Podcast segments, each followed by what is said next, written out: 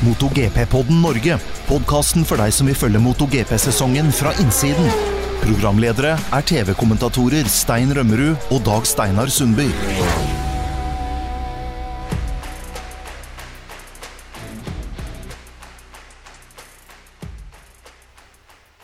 Velkommen til episode 10 i MotoGP-podden Norge. I dag skal vi eh, se litt nærmere på hva som kan komme til å skje på Assen, eller Dutch TT, som kjøres nå til helga. Ikke bare det, men vi har også siste nytt fra førerkontrakter 2023. Det er masse diskusjoner og rykter som går om dagen. For det første vet vi litt mer om Miguel Oliveira, hvor han antageligvis havner.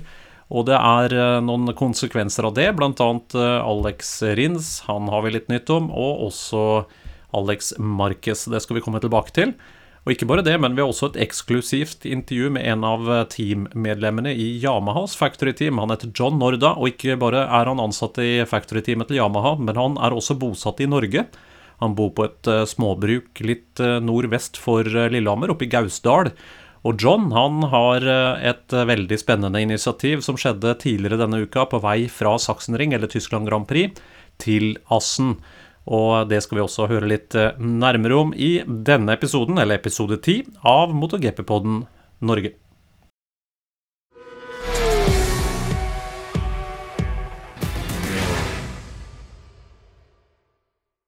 Kommentatorkollega Dag Steinar Sundby, du har eh, fylt opp eh, traileren med fullt av motorsykler og skal frakte de fra Norge ned til Mugello. Det er det du har holdt på med nå siden forrige VM-runde, som vi kommenterte fra Tyskland Grand Prix. Hva i alle dager ja. er det holdt på med nå? Nei, vi uh, kjører en sånn sommerversjon av det Mugello-eventet som vi normalt har i august-september. I år, uh, pga. ledig banetid og et ting som har vært leid bort etter pandemien, så ble det starten på fellesferien i år. Så det blir Da vi lasta opp traileren og er den er klar til å kjøre nedover. Så skal vi ha trackdays der nede nå i starten av juli. Så det blir en god start på sommerferien. Hva, hva, hva, skjer da med de bilaterale forholdene mellom Italia og Norge, når du rett og slett eh, frakter en haug med norske grisekjørere til Nord-Italia og slipper de fri der? Det, det, går fint. Vi er godt, uh, vi er godt selskap med italienere, tyskere og alt som er, så det, det, der går veldig, veldig bra. Så det, det funker, det. Vi har gjort det siden 2008, så det, vi har ikke blitt kasta ut ennå jeg, jeg, har jo vært så heldig at jeg har fått være med på det opplegget der en gang, og det må jeg si var, var veldig veldig bra. Så um, for de som ikke har uh, vært med på det, men som kjører litt på banen og har lyst til å prøve noe helt rått, så er det bare å ta kontakt med Sundby Exclusive Track Days. Det var dagens reklame. Ja, det er bra, det. Nei da. Det er jo for alle. Alle nivåer og erfaringer. Så det er noen som tror at det er bare hardcore racers, men det er det ikke. Det er for alle, alle nivåer og, og ferdigheter.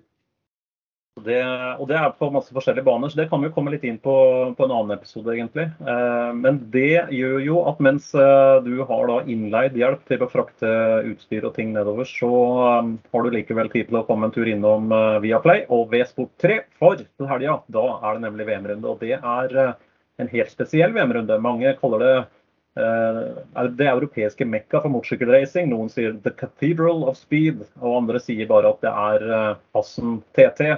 Eh, det er uansett eh, en bane som har vært på VM-kalenderen helt siden starten i 1949. Som et lite mm. pandemiopphold bare, så er det jo faktisk den banen som har blitt brukt eh, flest år. Et, et ganske spesielt sted. Og du har jo kjørt EM-runder på Assen, Steinar? Ja, jeg kjørte, kjørte det på 90-tallet. Kjørt både Dutch Open og, og, EM der sånn. Og da banen var jo annerledes. Da var, da var den lengre. Og litt smalere. Så den var jo da over 6 km lang da på, på 90-tallet. Så, um, så det var um, Det var rett over seks kilometer, faktisk. Så det var mye svinger og det var smalt. Og det var, er jo opprinnelig gammel landevei. Så det er det som gjør at den flowen på basen er så, er så spesiell. Sånn det var da, så var det jo eh, enda mer Da var det deler av banen som var i bruk som vei også ellers når det ikke var løp der. Men det er det jo ikke lenger. Nei, det var fra 49 til 54 de første fem åra der. Da var den faktisk 16,5 km lang. Og Så ble den redusert. da, noen, Han eh, ble mer enn halvert, så han var på 7,7 fra 1955. Og så kjørte man det helt fram til 1983. Og i 1984 så ble den redusert til 6,1. Og sånn var den jo da helt fram til 2005. Men dagens layout den er da på 4,5 km, rett over 4,5 km, og sånn har den vært siden 2006 mm. med et par justeringer i 2016. Det kom jo litt uh, nytt på baksida der. Ja. Og, men det er fortsatt en bane som har beholdt mye av det særtrekket. og Det, er jo, det, er, det går fort der. Det er, det er høy snittfart. Det er jo det. Det er veldig, veldig flyt rundt hele banen. Nå har de jo lagt inn noen av Særlig da rett etter uh, det er på baksida av depotet der. En Struben er vel den heter, den eh, kurva der. Det er jo der det går eh, saktest. Og, men det blir jo mer, mer action eh, sånn av det òg i den kombinasjonen her. Men det er veldig bra. Mye av det gamle layouten er jo ennå i bruk, og det gjør jo at det er så heftig der. Og særlig siste parti da, inn mot uh, sjikana før mål. Det er jo en bane som også har eh, en del doseringer. og Det er ofte da sånne S-kombinasjoner, høyfart, og der man veksler fra venstre til høyre til venstre. og Da må man jo, i og med at det er mye banking, mye dosering, så blir det jo nesten som å vippe over en bakketopp når man eh, ja. endrer, endrer, kurs. og Det er jo det som jeg synes er gøy med den banen, er at eh, det er en bane som ikke alltid stiller sånn enorme krav til å ha maks toppspeed og maks effekt. Dette er jo en, dette er en klassisk førerbane. ikke sant?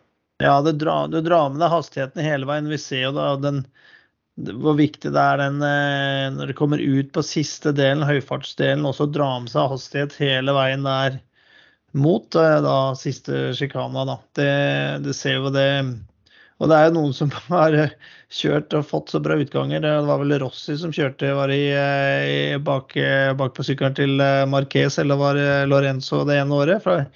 Da fikk så drive ut der, så så ble det litt mist der. Heldigvis holdt de seg på hjula, men det er jo et fantastisk party der. Ja, det er det. Det, er, eh, det blir ofte veldig veldig bra racing når det blir close racing. Faktisk litt sånn kuriøst. I 1975 det var eh, første og eh, en av veldig veldig få ganger der det har blitt delt førsteplass. Fordi tidtakerne på den tida de klarte ikke å skille nummer én og to på 500-løpet. Og i 75 så var det Barry Sheen og Agostini. De kom så tett over målstreken at det var ikke mulig å skille. Så det ble delt til to førsteplasser det året der. Ja, det var jo to personligheter og det, så jeg regner med at det ble en god uh, seiersfest her på kvelden. da, Med begge de to på topp. Agostini fylte jo for øvrig 80 nå for bare noen dager siden, så han er ja. still going strong. Han er med. Han er på plass i depotet på, på flere race og, og kaster glans.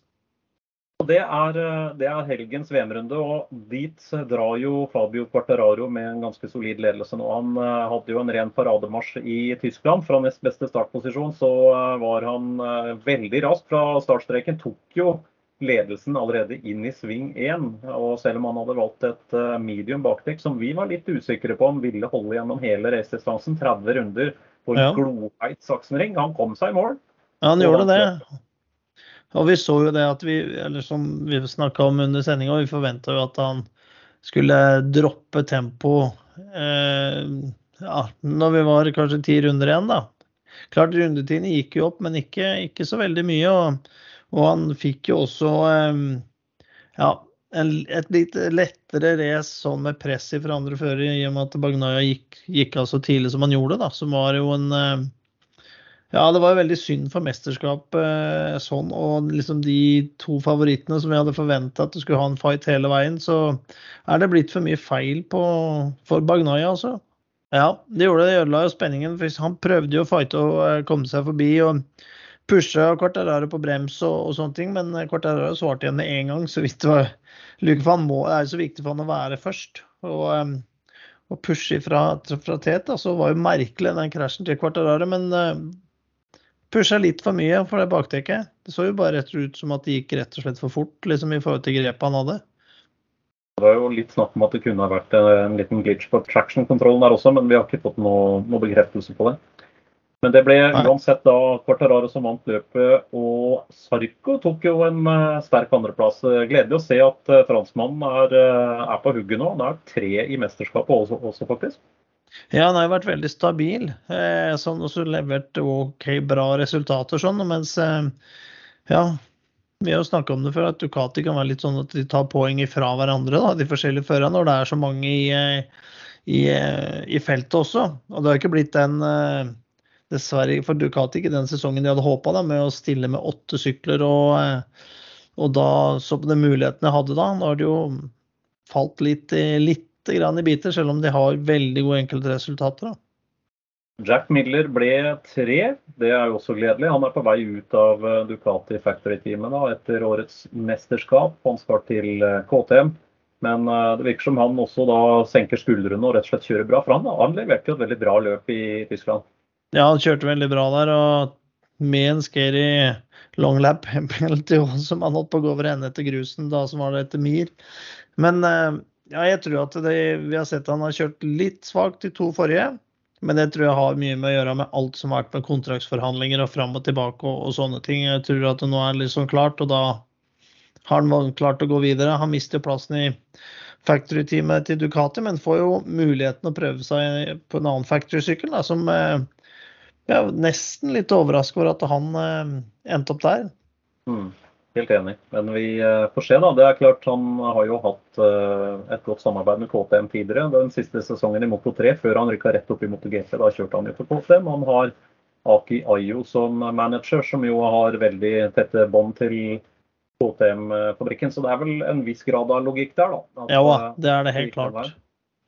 Men eh, nok om eh, Saksenring. Det er jo bare en uke siden, og nå har eh, hele sirkuset flytta på seg. Vi tar jo opp dette her på torsdag kveld, og da er alt klart. Det har vært pressekonferanser i, i Assen i dag. Og i morgen så braker det løs med FP1 og FP2. Det er meldt regn, så det blir vått på Assen i morgen. Og så ser det ustabilt ut på lørdag, og det ser ut til å bli tørt på søndag. Så det er jo flere som sier nå at de førerne som kommer dit og har best base setup fra før, og som vil kunne fungere, som ikke er helt avhengig av å begynne på nytt igjen på fredag, de vil ha en fordel nå. Hva tenker du? Jo, absolutt. Jeg tror da særlig som Jack Miller kan være en fører som eh, er i en sterk posisjon da, for vi veit hvor veldig bra han er på når det er litt blanda forhold og litt vanskelig å føre. Og det virker som både han og Bagnaya nå har som sier sjøl, en bra setting på den 22 eh, Ducatien. Og eh, det er ikke så mye de må gjøre på de forskjellige banene. Da, og eh, når det kom til Sachsenring òg, som er så spesiell, men, og der fungerte det bra for begge to der òg.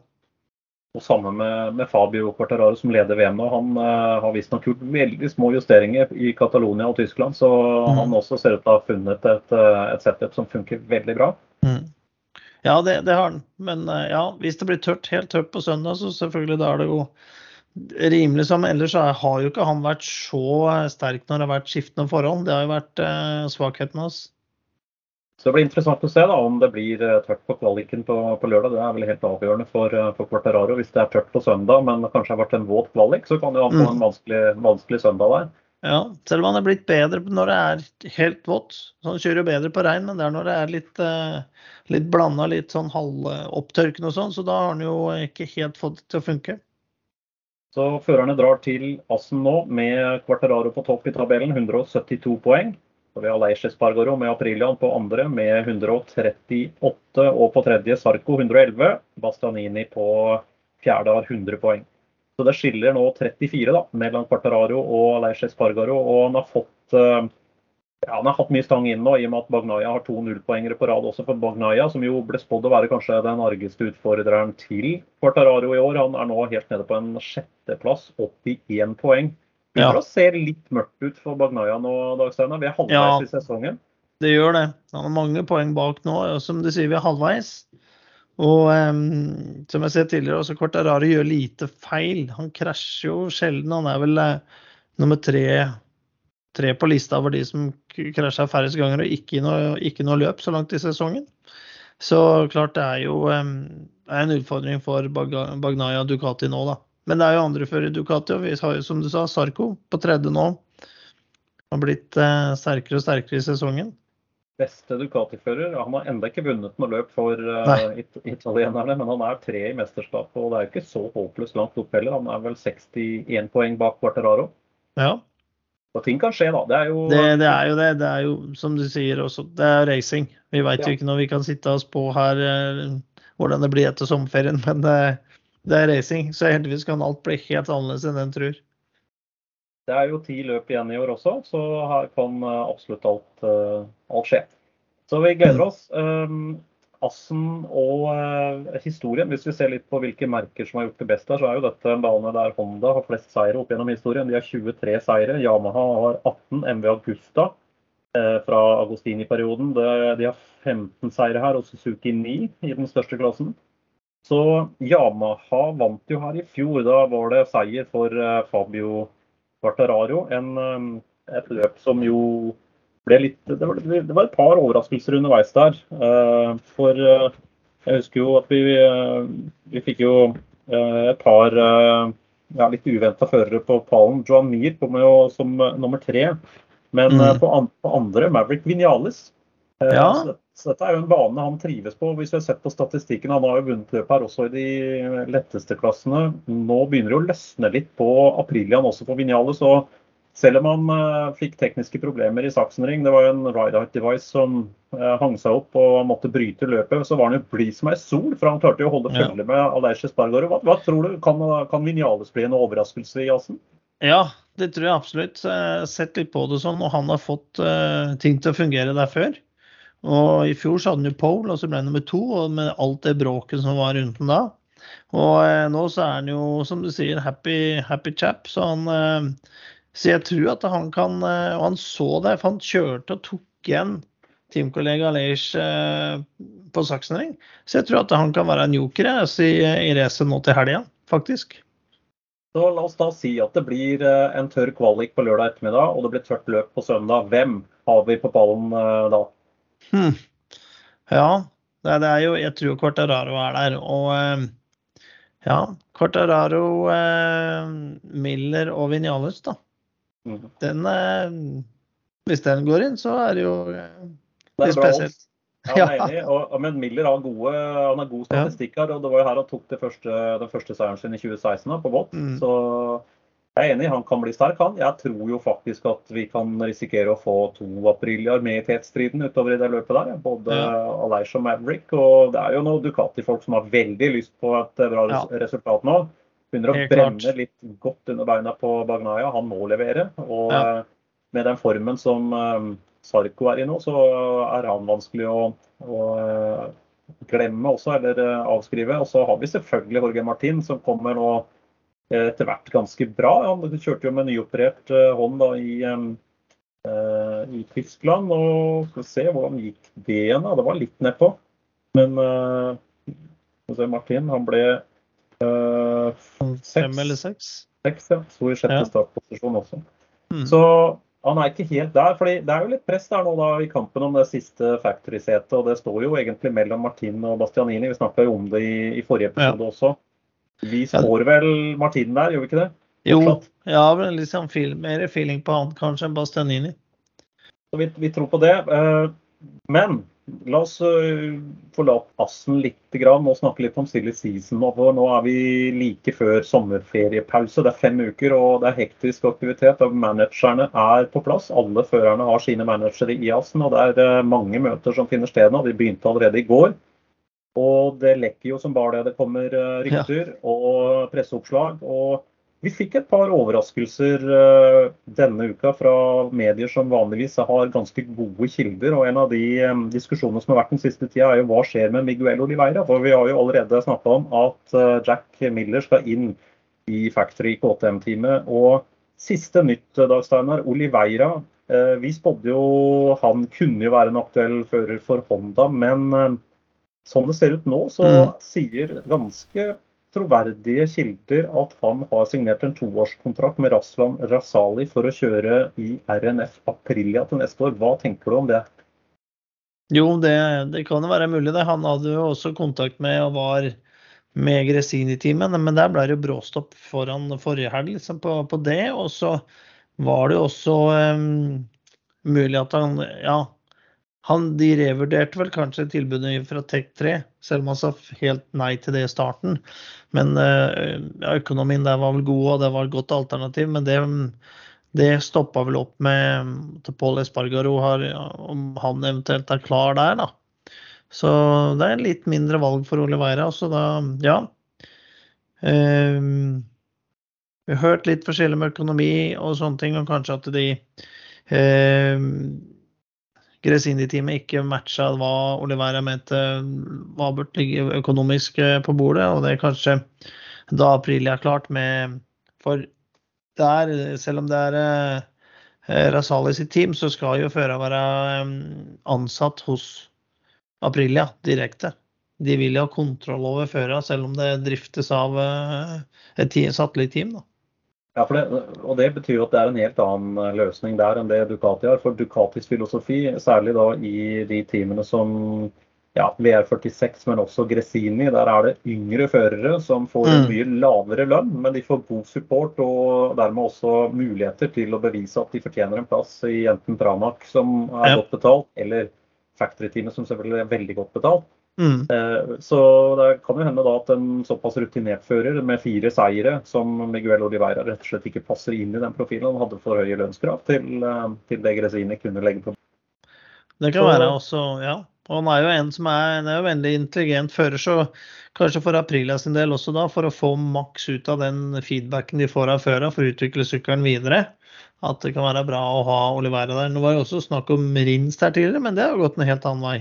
Det har gått en helt annen vei. så uh, Før vi tar han, da, så betyr jo det for å konkludere at da ser det ut til at RNF Aprilia til neste år vil bestå av Miguel Oliveira og Raúl Fernandes. Det er sånn det ser ut akkurat nå. Ja. Men det betyr jo da uh, at vi har uh, litt andre ting på gang her. Og du var jo inne på Rins. Ja. Og Rins har jo blitt nevnt i flere sammenhenger. Han er jo en attraktiv fører. Han har vunnet flere løp. Han er jo silkemyk og god, hatt fin utvikling. Litt sånn rare resultater av og til. Men det går faktisk da rykter i øyeblikket om at han skal inn hos LCR Honda og overta plassen til Alex Marquez.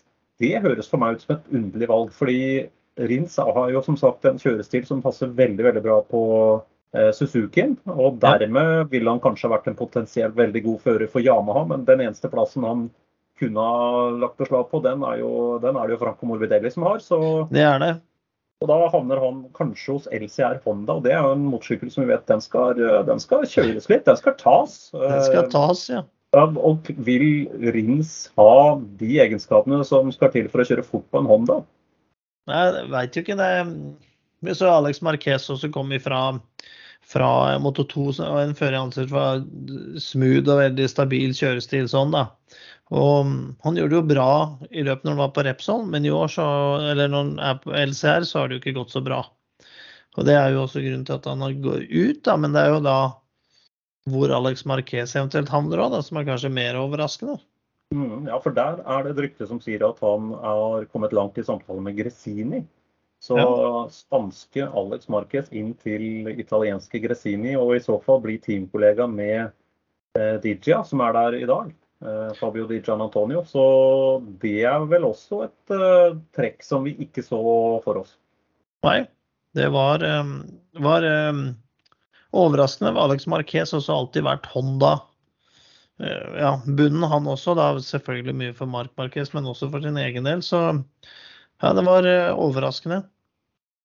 Så Det er jo ikke bekrefta av dette, men hvis det stemmer, så kan vi også ha en eh, lineup som betyr Gresini med Fabio Di Gian Antonio og Alex Marquez. Vi kan ha RNF Aprilia til neste år med Raúl Fernandes og Miguel Oliveira, og vi kan altså rett og slett få LCR Honda med Alex Rins, som da blir teamkollega med en av de japanske førerne, enten Nakagami eller Ayogura, Ai Ogura, som rykker opp mm. fra Moto 2.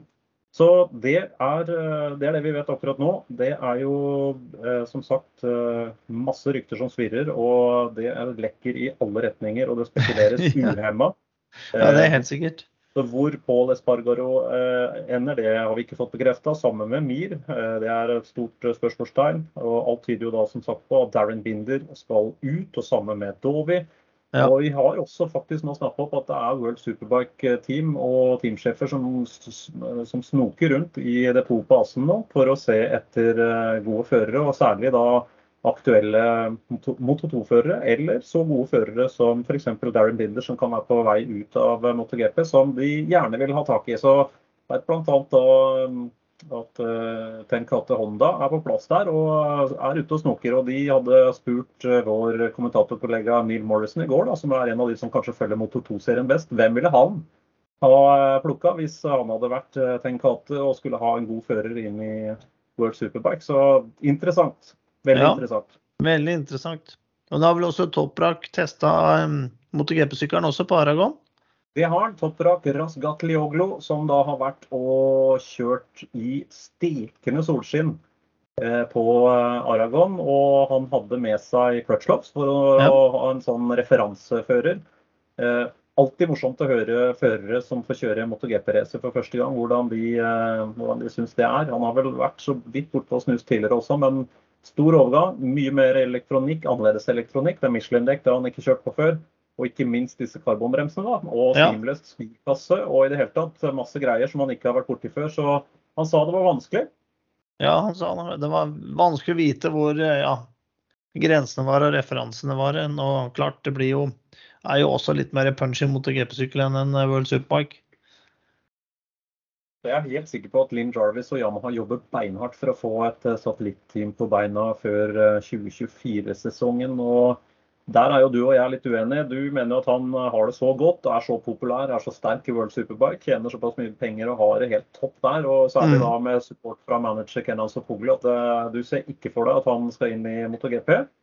Nei, ikke sånn det står, står nå. Da måtte Yama i så fall, hvis de eh, tilbyr han plassen til Morbidelli. At eh, skal de få lurt han ut ifra fra, fra World Superbike, så er det enten plass til Morbidelli eller en sånn tostegs uh, vanntett avtale. At han skal først kjøre satellitt-team ett år, og så er det factory-team etterpå. Mm. For ellers så tror jeg det blir i, i World Superbike.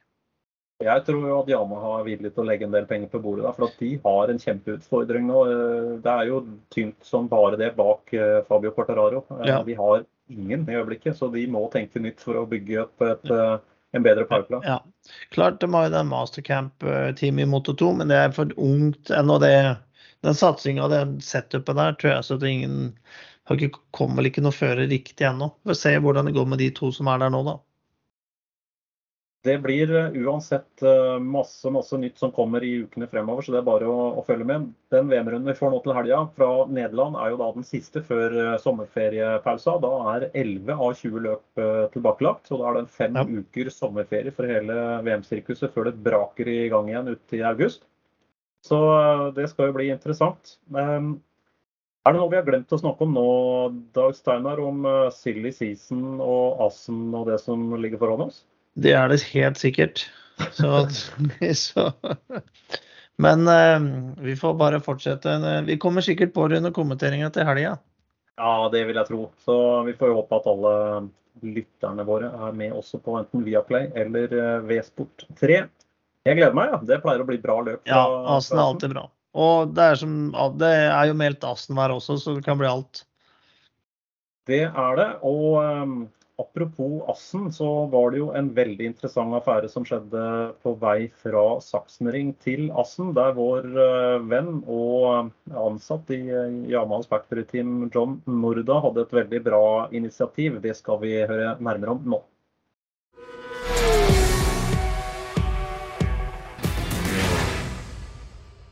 Som sagt skal vi ha et lite intervju også med en eh, kar som heter John Norda. Han er opprinnelig fra Nederland, men han eh, ble sammen med ei norsk dame og flytta til eh, Norge. Bor i Gausdal, litt nord for eh, Lillehammer. Men til daglig så er han teammedarbeider i Yamaha Factory-teamet, som har Fabio Quartararo og Franco Morbidelli som førere. John han har ansvar for en av eh, teamtruckene. Eh, en av de viktigste bilene i hele teamet. Det er den som frakter alt av eh, datautstyr og linkutstyret. Der de japanske ingeniørene sitter og kommuniserer både mellom motorsykler og fabrikken underveis i VM-helga. Han har også ansvar for mange andre praktiske detaljer i Yamaha-teamet, bl.a. sambandsutstyret, og rigger opp veldig mye av utstyret foran hver VM-runde. John han er en kar som eh, tenker og eh, har eh, masse positivt på hjertet. Og han fant ut at han hadde lyst til å gjøre noe helt spesielt nå på vei fra Sachsenring, Tyskland Grand Prix, til VM-runden i Assen. Han tenkte å gi litt tilbake fra gulvet i paddocken i MotoGP. Fra alle gutta som, og damene som jobber på gulvet i de forskjellige teamene. Hvordan kan de gjøre noe positivt for barn, eh, og da helt bestemt eh, alvorlig syke barn og barn med handikap? Han arrangerte like godt en stor konvoi der han klarte å samle 55 lastebiler fra de forskjellige MotoGP-teamene, som kjørte etter hverandre i en lang konvoi til eh, Assen. Og underveis så fikk barn som enten hadde alvorlig sykdom eller var handikappa, lov til å sitte på med disse lastebilene. Og de kom til Assen, og ikke bare det, de klarte også å få til å kjøre en runde på banen, og det ble en helt unik opplevelse. Vi eh, slo av en prat vi med John før dette arrangementet for å finne ut hva var det egentlig som var på gang. So John, what's the plan? Now the plan is the plan is already in my mind for many many many years, but unfortunately we never had a possibility. Um, but this year, the COVID is leaving us a little bit in peace, and I thought to fulfill the the thing what I had in my mind a long time, and that was to organize something for children who are very sick or disabled, and um, we want to make. And this is we. I'm talking from the truck drivers here on the paddock we have the possibility after the Sachsenring time enough to do a convoy, to organize a convoy from the last part, the last 48 kilometers from just over the border in Holland to the circuit, one lap on the circuit in Assen uh, with those children. Uh, probably the parents have to join or a nurse has to join, um, but we will we will organize this uh, from us, from the paddock, and uh, I have been starting with this Le Mans. Only fantastic feedback, only positive. It started rolling, and before we know, we have an enormous convoy from probably close to 50 or maybe even over 50 trucks, trailers, motorhomes, suppliers. All the MotoGP teams are there, and the most important thing is every driver does this out of his heart. Fantastic. Well done. Thank you. Det var eh, John Norda fra Yamaha-teamet og Gausdal. Et flott initiativ der som jeg vet at også Dorna kommer til å gjøre litt mer ut av nå foran denne VM-runden, så følg med på motogp.com, så kommer det litt mer info om eh, arrangementet som ikke hadde skjedd uten John Norda fra Gausdal og Nederland.